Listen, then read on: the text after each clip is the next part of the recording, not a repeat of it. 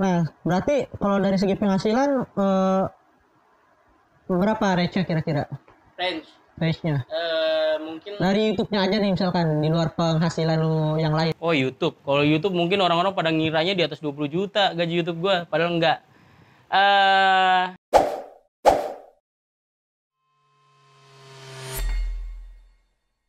Selamat datang di Front Office, medianya Pro Officer. Ya, hari ini adalah episode kedua dari Front Office dan hari ini kita udah kedatangan seorang YouTuber kondang kita. Dia lebih fokus ke dunia satwa. Dia dia adalah Jabari Hashim. halo teman-teman saya Jabari Hashim eh tapi sebentar ini acara apaan sih ini nggak nggak nyolok tapi gue suruh pakai ini acara apaan gitu ini kita mau bahas apa nih di sini nih Kita mau bahas tentang lu dong, pekerjaan lu. Terus gue tanya fungsinya ini apa gitu nggak nyolok. Gue taruh aja ya samping Wah. Oh, ya udah nggak apa-apa lanjut lah. Ini jadi nggak nyolok nih teman-teman ya. Parah dia nih. Sedikit bongkar di sini tapi seru kok di sini. Eh, Oke oke oke. Gimana nih? Ya, lu kan udah lama nih eh, apa merintis YouTube. Ya. Nah, sekarang lu sibuk dunia binatang, dunia satwa. Nah, lu terkait jobdesk lu ini selain konten apa lagi nih?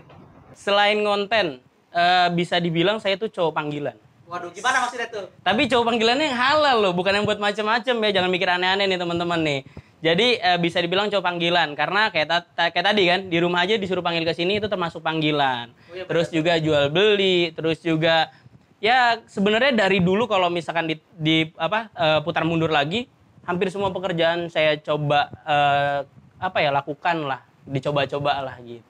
Jual beli pernah, main rubik pernah, main sulap pernah, main hewan berbahaya pernah, eh, pokoknya semualah dicobain gitu. Semua hal dicobain nih. Iya semua hal, hampir semua hal ya. Waduh, sukanya coba-coba dong. Sukanya coba-coba. Eh ya mungkin bisa seperti itu ya. Karena kan buat nentuin pilihan yang pastinya seperti apa kan eh, itu perlu dicoba-coba Oh, iya, dulu. betul. Apalagi kan bisa dibilang usahanya kan bukan arti kata di perusahaan kan ya. Hmm. Jadi bidang mana nih yang cocok sama kita, bidang mana yang kira-kira eh, progresnya bagus buat kita, itu kita jalani gitu. Nah, berarti kalau fokus ke YouTube lu udah berapa lama nih? Jadi YouTube itu awal buat itu di tahun 2016. Tapi fungsinya cuma ah daripada memori penuh akhirnya dioper ke YouTube aja deh gitu. Nggak tahu awal ya? Iya, awal mula nggak tahu tuh YouTube itu menghasilkan, terus juga YouTube itu eh, ternyata platform yang bagus buat ajang promosi, belum tahu kayak gitu. Terus nonton tuh jadi eh, orang tua tuh nonton gosip. Ada tuh Ata nongol di TV kan sekitar satu tahun setengah yang lalu kok lihat-lihat ini orang bisa sukses dari YouTube. Kenapa nih? Eh, terus formulanya seperti apa? Coba digali-gali. Akhirnya coba deh tuh dulu mulai dari eh, 500 eh, 500 subscriber. Eh di bawah 500 bang 200 pokoknya di bawah 500 saya lupa. Nah, mulai di bawah dari situ terus mikir lagi kan peraturan YouTube itu harus 1000 subscriber dan 4000 jam tayang kan. Akhirnya dicari-cari formulanya alhamdulillah dapet dan di video pertama cukup meledak lah. Itu kok nggak salah meledaknya itu di review kandang kakak tua. Nah, itu kan lu fokusnya ke dunia satwa. Kenapa lu fokusnya ke dunia satwa tuh dalam konten YouTube? Karena gini, kenapa di dunia satwa? Sebenarnya hampir semua bidang pernah dicoba, termasuk hipnotis dan lain-lain kan. Kenapa sih ma- maunya di dunia satwa? Karena mikir gini, kalau di YouTube cari komunitas terbesar dan apa yang kalian pahamin. Ya. Kenapa milih satwa? Karena komunitasnya cukup besar. Otomatis ada pangsa pasar dong di dalamnya dong. Terus eh, kebetulan saya sendiri hobi dengan hewan dari kecil. Jadi sedikit banyak paham, bisa sharing-sharing melalui konten yang saya berikan ke teman-teman gitu. Berarti lu emang karena keinginan sendiri tuh ya?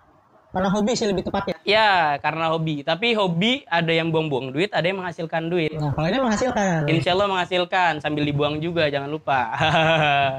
Nih, gue lihat konten lu juga emang kontennya Jabari banyak sama artis nih. Nah, gimana tuh lu cara bisa memulai kenal sama artis-artis ini gitu?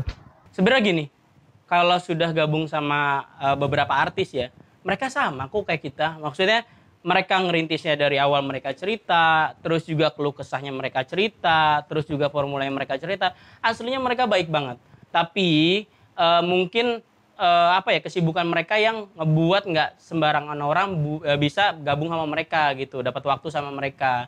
Jadi alhamdulillah sekarang banyak kok youtuber terka, beberapa youtuber itu bisa collab sama artis, terus juga bisa dapat job-job dari artis itu banyak banget kok. Jadi punya mimpi nggak usah takut, jalanin aja dulu. Kuncinya adalah bagaimana lu memulai sesuatu yang ada dalam diri lu kan. Yap, benar. Kemampuan apa sih? Tinggal digali, habis digali bantu share deh gitu. Masalah laku atau enggaknya, yang namanya orang masarin kan ya. Kalau saya pribadi sih eh, masarinnya diri sendiri kan. Karena apa ya produknya adalah saya, kebanyakan jasa, terus juga eh, bisa juga eh, pasarin pasar apa barang kan, pasarin barang. Ya intinya gitu, jangan pernah bosen buat masarin gitu. Biar orang kenal, banyak kenal, banyak teman dan banyak penghasilan tentunya. Relasi penting berarti itu ya. Banget, banget, banget. Nah terus selain bikin konten nih, lu kesibukan lu apa lagi? Selain bikin konten, kesibukannya jual beli, terus juga jadi perawat satwa juga, terus juga pelatih juga. Ya disibuk-sibukin aja lah. Apa aja kalau bisa dikerjain, dikerjain lah. Mencari kesibukan. Ya benar, mencari kesibukan. Terus kalau misalnya lu tadi dalam merawat satwa itu lu bekerja pada suatu apa namanya? Suatu lembaga atau gimana?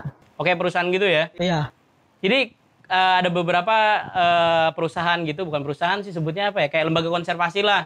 Itu minta saya gabung ke mereka. Tapi saya mikirnya kalau gabung ke satu tempat gitu kayak terikat banget, nggak saya banget gitu, nggak gua banget. Gue pengennya tuh gue kerja tapi bebas. Dalam arti gue bisa ngelakuin hobi gue, tapi gue bisa eh, melakukan pekerjaan lain. Jadi kalau misalnya kayak ngerawat satwa itu cuma kayak satwa-satwa dari bos-bos besar itu ditaruh di rumah, bisa jadi karena sakit, bisa jadi untuk dilatih, jadi seperti itu.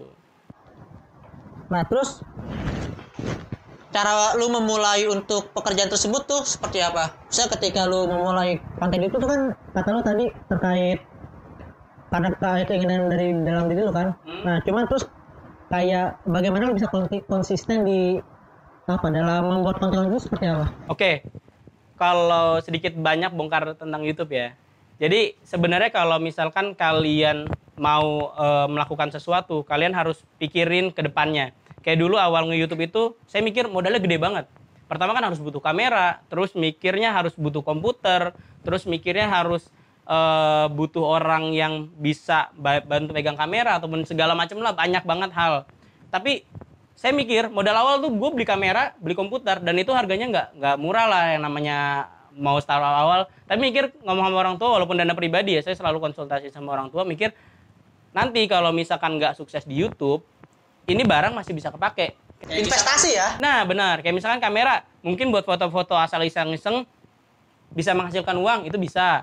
Terus juga kayak eh, PC ataupun komputer itu walaupun nanti nggak sukses di YouTube bisa dong sedikit-sedikit editing bisa dong bantu-bantu teman. Nah di situ. Akhirnya ya udahlah nekat beli kamera terus juga beli PC nekat beli itu ya udah nekat akhirnya edit sendiri segala macam sendiri. Namanya startup di awal kan. Terus ngerekrut lah beberapa teman. Ada sekitar eh, lima orangan lebih lah.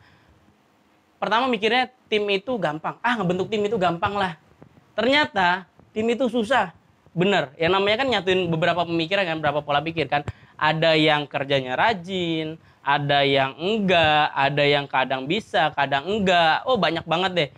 Akhirnya di situ mikir ah agak kurang efisien nih tim. Karena sekarang itu posisinya penghasilan belum tentu. Terus tim itu butuh yang namanya transportasi, butuh makan dan lain-lain. Dan termasuk gaji ya. Tapi pada saat itu gaji tim masih belum saya pikirin karena apa? Jujur waktu. Jujur eh, karena waktu awal-awal mulai eh, nge-YouTube itu gaji kan nggak gede, Bro. Gimana mau dibagi enam orang kan bingung juga kan? Iya. Ya pokoknya kalian harus kalkulasi bener-bener harus detail banget. Jangan sampai nanti eh, tadinya niat baik kalian mau ajak tim, mau bantu bareng-bareng, akhirnya jadi salah paham. Salah pahamnya itu, kok nggak ngajak gue lagi? Aku gue nggak kebagian A sampai Z, nggak kebagian gajinya dan lain-lain. Sekarang kalkulasinya gini deh. Misalkan ngebuat konten.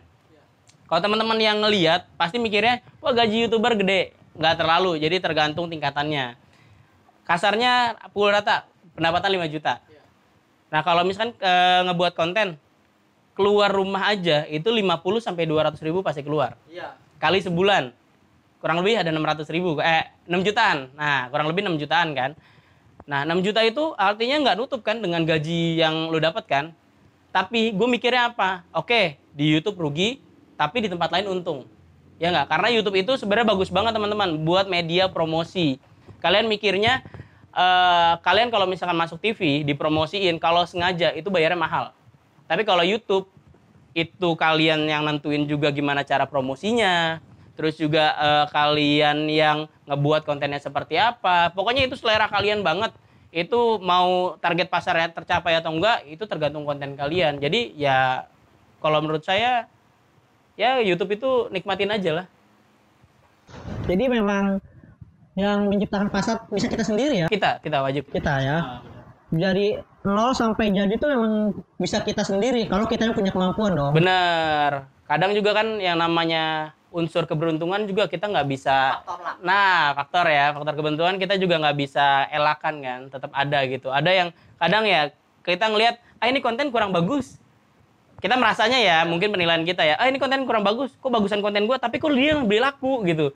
Karena kan persepsi orang kan nggak bisa kita pukul rata dengan persepsi kita kan. Jadi ya udah, intinya jangan pernah menyerah untuk berkarya. Terus berkarya, masalah laku enggaknya itu nomor dua. Karena setiap konten itu sebenarnya ada pasarnya kan. Ya benar, ada Ada pasarnya, cuman kita mungkin nggak tahu aja pasarnya sebesar apa gitu kan. Benar. Padahal ada pasarnya. Terus pengalaman lu nih suka dukanya menjadi apa namanya eh, yang jadi di bidang kreatif lah entah itu sebagai konten youtuber ataupun lu tadi sebagai perawat satu atau apa suka dukanya gimana? Kalau suka duka, kalau misalkan selama ini yang ngejalanin kalau pekerjaan dari hobi, dasarnya hobi, itu mau secapek apa pun nggak ngerasain capek gitu. Tetap suka aja, enak Karena aja. dari berangkat dari hobi. Nah, berangkat dari hobi. Mau secapek apa pun, itu gue pernah kerja itu kurang lebih satu hari satu malam bahkan dua hari juga pernah kan. Itu ngerasainnya capek tapi ah masih semangat buat ngerjain gitu. Eh, terus kalau masalah duka, apa ya? Kalau misalkan YouTube itu kan hampir sama kayak dunia entertain. Bukan hampir sama, memang dunia entertain. Itu kemasannya itu kalian tentukan dan lain-lain. Itu biasanya ada aja netizen yang bikin fitnah. Ada aja netizen yang nggak suka. Ada aja netizen yang kepancing dengan hal yang nggak suka. Itu yang susah buat diatasin. Karena apa? Ya sebenarnya nggak salah. Lu punya komentar apa pun nggak salah. Tapi gini kebanyakan kita salah buat menempati komentar itu. Kasarnya gini kasih masukan boleh tapi bulian jangan. Itu yang salah sebenarnya. Tapi kebanyakan kalau misalkan di negara kita nih kebanyakan budayanya lebih baik ngebully gitu. Wah bully habis-habisan. Satu ya satu orang ngebully, semuanya bawa ikut ngebully. Itu sebenarnya sih nggak boleh. Karena apa? Mau gimana pun, mau sesalah apa pun, itu masukan tetap penting banget. Tapi kalau misalkan masalah bulian itu nggak banget sih kalau menurut gue ya. Yang penting yang jelas kalau misalkan kalian mau komen, kalian nggak suka dan lain-lain itu boleh, tapi dengan menggunakan bahasa yang sopan dan tidak memancing keributan. Caranya yang tepat maksudnya ya kayak lu mungkin boleh nggak suka sama kontennya tapi orangnya jangan gitu kan? Jangan menyerang orang ya. Eh, banyak sih banyak hal. Bisa jadi konten yang diserang akhirnya ya mau nggak mau orangnya juga tetap kena kan. Tapi ya kasih masukan yang sekiranya bisa membangun bukan bulian gitu. Lebih ke kritik maksudnya ketika lu tidak senang ya lu harus ada solusi nah bener bang kurang suka ini suaranya kok kurang enak ganti dong mic-nya itu oke nah itu mungkin bisa masukan ya Nah, jangan ada yang bilang, "Ih, tolong lu suaranya nggak enak gini segala macem." Ya, itu kan bukan masukan kan, Ya. artinya kan. Bisa jadi masukan tapi dibacanya nggak enak gitu loh. Iya. Iya, akhirnya yang lain kepancing kan buat menggunakan kata-kata seperti itu. gitu. jadi lebih mungkin ikut-ikutan ya oh iya nih bla bla bla bla gitu Ya, ya banget, setuju banget. Gitu. terus kalau menurut lu prospek jadi konten kreatornya ke depannya kayak gimana ya entah itu satu tahun dua tahun sepuluh tahun ke depan seperti apa Kalau bahas masalah prospek ya, eh, jadikan pokoknya jadikan media sosial itu sebagai ajang promosi kalian. Entah itu diri kalian, entah itu produk kalian yang punya, terus juga entah itu apa yang kalian bisa. Pokoknya jadikan media sosial itu sebagai eh, ajang promosi. Promosi eh, gimana caranya orang itu kenal dengan apa yang kita pasarin. Mungkin jasa, mungkin barang dan lain-lain yang tadi saya sebutin. Nah, eh, terus kayak tadi pokoknya intinya gunakan media sosial itu sebagai ajang promosi. Kalau misalnya nggak diajak promosi itu capek doang asli. Karena ya kalian ekspektasinya kan gaji itu gede dari subscriber dan lain-lain itu nggak nentu. Itu nggak nentu karena gaji itu dari AdSense tetap. Jadi kalau mau besar kecilnya kalian harus gimana caranya viewer bagus, AdSense bagus. Tapi eh, ke depannya kalau saya bilang ya prospek lah prospek banget lah. Selagi platform itu nggak ngeribetin. Sekarang kan makin agak ribet kan kayak copyright kayak segala Ya. macam walaupun ribet tapi tetap lah positif lah. Tetap bagus lah tujuannya supaya nggak banyak orang yang cuma ambil konten terus lempar ambil konten terus lempar gitu. Tapi ya oke lah. Bagus banget prospek banget kok YouTube. Ya buat teman-teman baru mau mulai YouTube jangan pernah ngeragu jangan pernah apa ya takut wah gue nggak sukses di YouTube. Jangan pernah. Kita nggak tahu kan roda itu kan berputar. Kadang kita di atas bisa jadi di bawah dan sebaliknya gitu. Nah terus kalau dari lu ada ini nggak? Apa namanya? Mungkin tips bagaimana melihat, maksudnya kita ketika mau mulai menjadi youtuber nih, mencari tema atau konten yang tepat tuh seperti apa?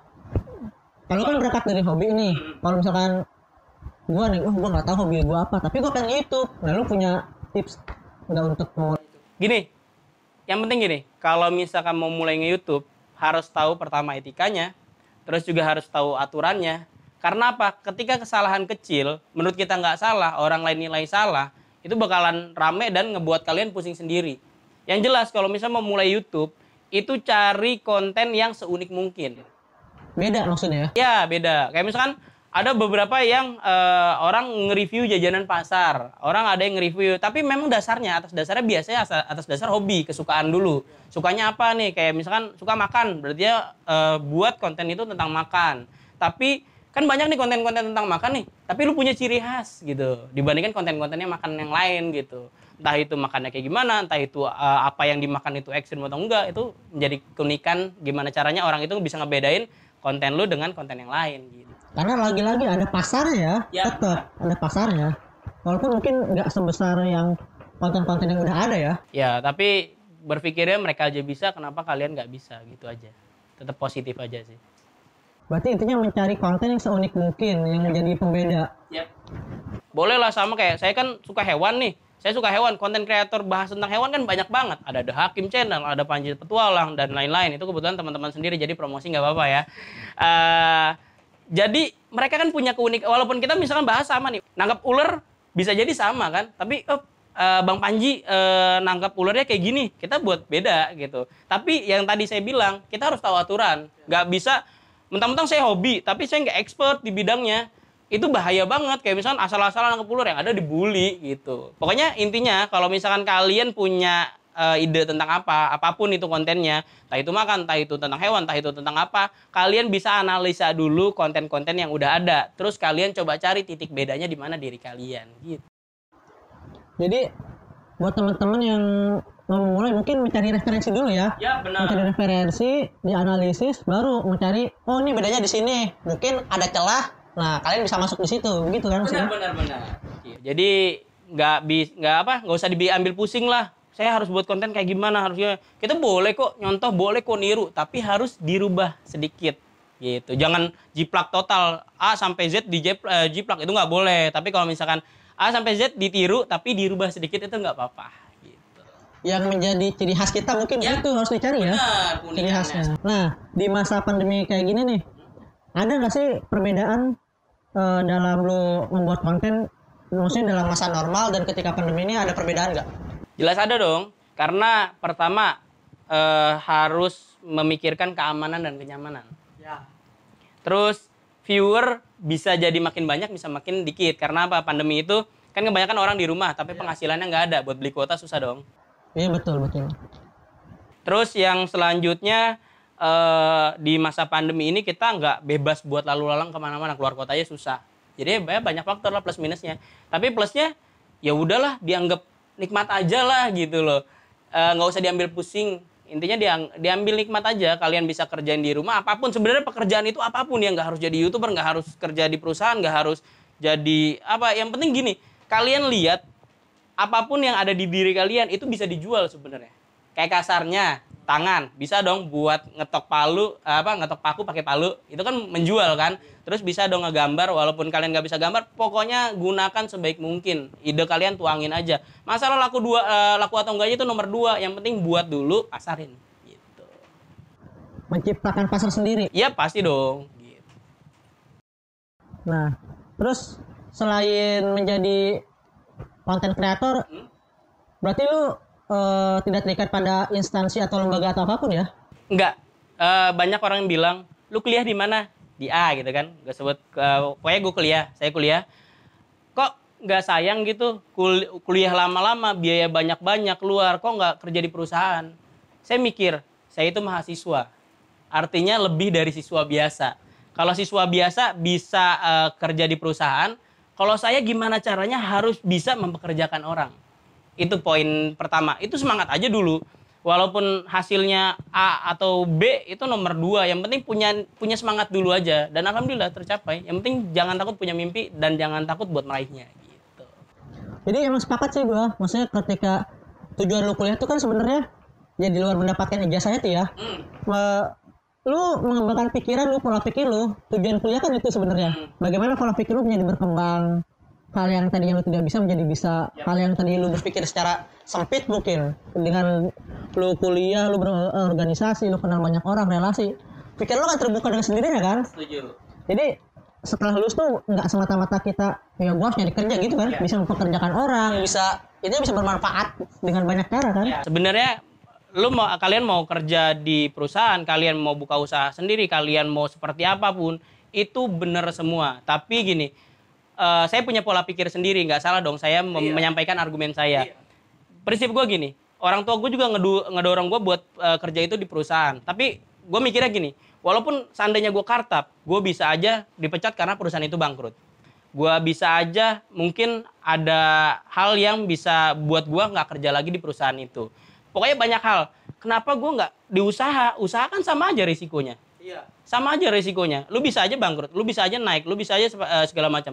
Tapi bedanya kalau misalnya di usaha, gede kecilnya penghasilan itu kalian nentukan. Tapi kalau misalkan di perusahaan itu sudah tetap. Iya, flat kan? Iya flat, palingan ada batasan maksimal deh berapa. Misalkan di angka 10 ya udah maksimal. Tapi kalau misalkan kalian di bidang usaha, kalian punya usaha sendiri, kalian mau lebih dari 10, kalian mau lebih dari 20, mau lebih dari 30, itu kalian yang nentukan sendiri gitu. Jadi kalau misalkan lu jatuh ya jatuh banget, mau naik naik banget gitu kan. Iya, tapi kalau jatuh jangan takut buat bangun. Gue sering banget jatuh, tapi ya berusaha bangun aja. Intinya terus semangat ya sih. Ya benar, Faujan ini salah satu teman SMP. Teman-teman mungkin nggak ada yang tahu ya, Faujan ini salah satu teman SMP. Dan Faujan mungkin tahu dulu saya SMP-nya tuh kayak gimana, gue SMP-nya tuh kayak gimana. Jualan coklat pernah, Pernah. jualan rubik pernah, alat sulap pernah. Itu waktu SMP main manik-manik pernah. Iya. Tapi dari situ mikirnya gini, eh, setiap ngejalanin salah satu usaha ataupun salah satu yang kalian pelajarin ataupun kalian minat, itu jangan pernah mikir ketika kalian baru jalan sekali, ah rugi. Terus ketika kalian bangkrut, ah rugi. Jangan pernah mikir kayak gitu. Sebangkrut apa pun kalian, kalian punya ilmu yang itu menjadi keuntungan buat kalian. Kayak kasarnya gini, gue di Rubik nggak laku, gue punya ilmu dong. Kenapa sih di Rubik nggak laku? Gue bisa buka usaha lain. Terus misalkan di coklat, ah coklat gue lakunya lumayan nih, tapi gue mau dapat hasil lebih dari itu terus coklat bangkrut tapi ada ilmu juga kan gimana caranya oh masarin lebih baik kayak gini gitu jadi jangan pernah dianggap rugi ataupun bangkrut itu akhir dari perjalanan kalian. Itu jangan pernah dianggap kayak gitu. Jadi justru memulai lu memulai menjadi apa ya? Wirausaha mungkin. Dari SMP ya. dari SD Dari SD SD wah gue dibully udah puas banget. SD itu pernah jualan ikan cupang. Pernah eh dulu sebelum jualan ikan cupang itu jadi ceritanya dibully sama teman-teman SD waktu SD aja gue udah dibully.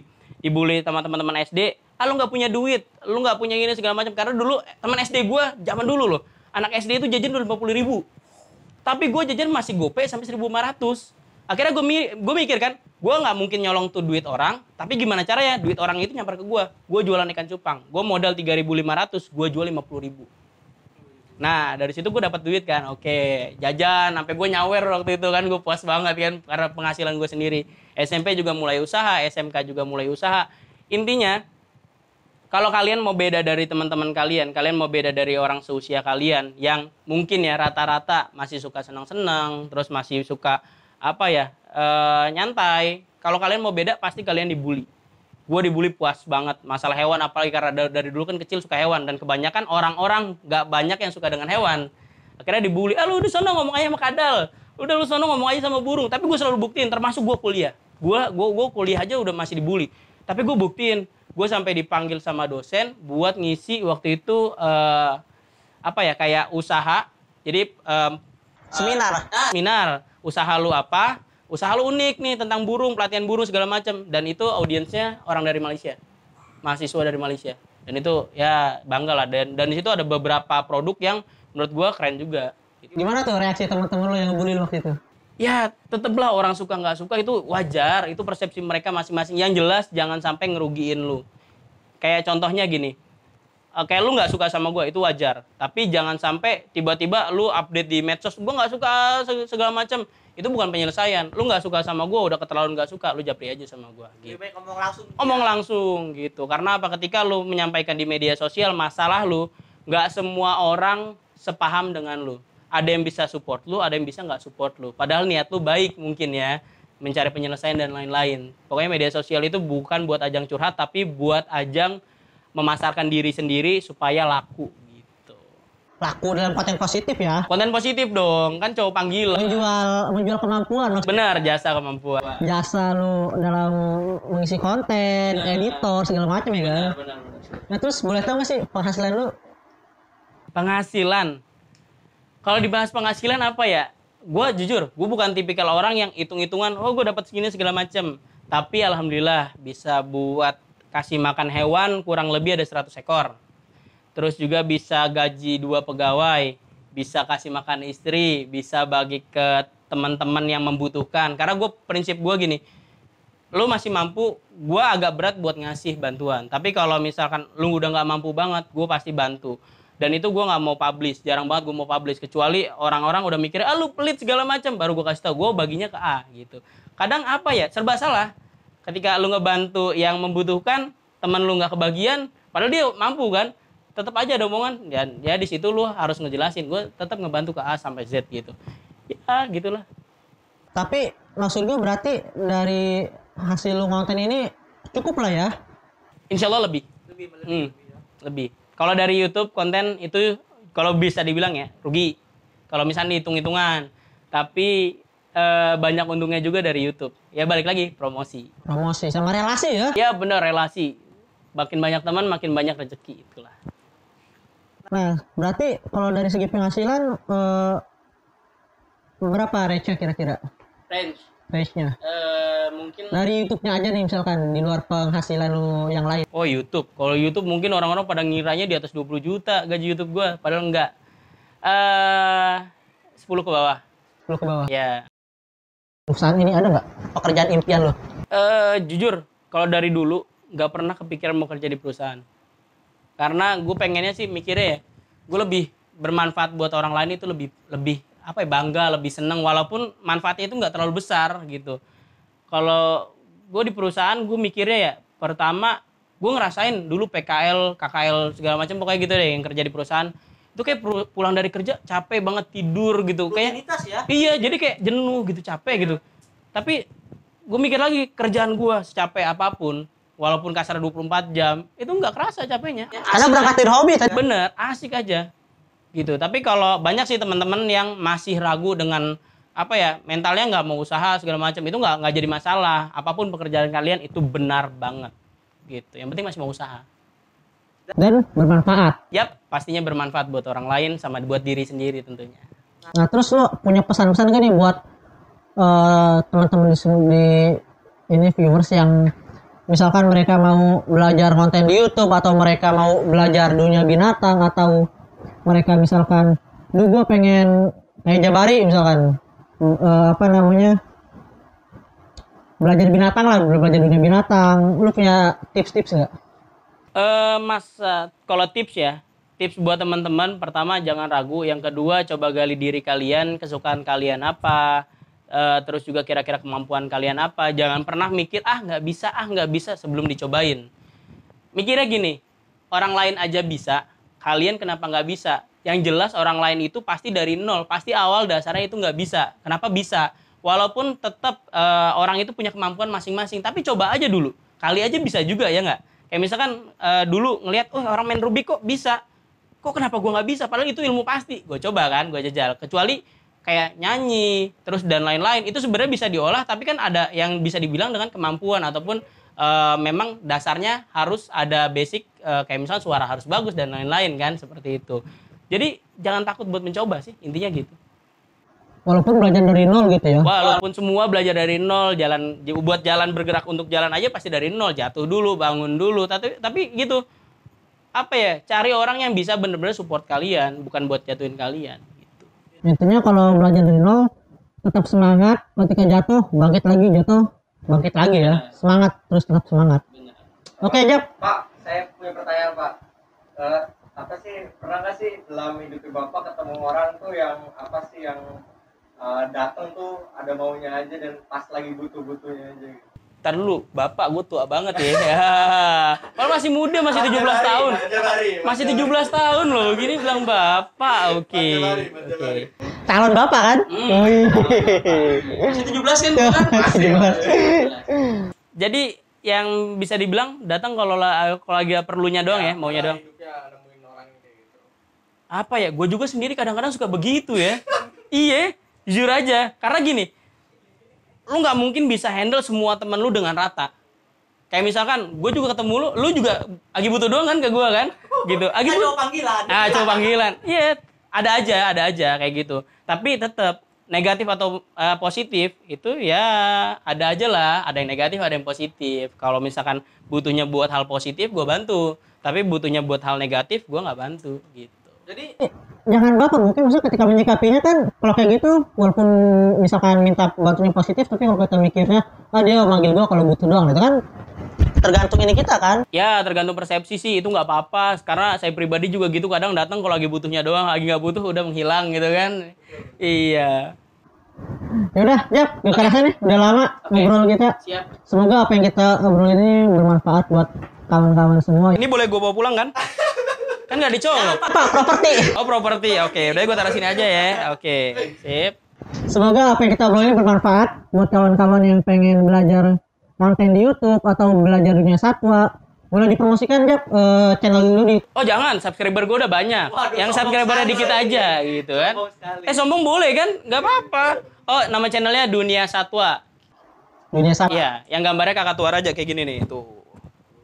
Boleh dong bajunya? Ah boleh. Ntar gue pulang pakai baju apa? ya?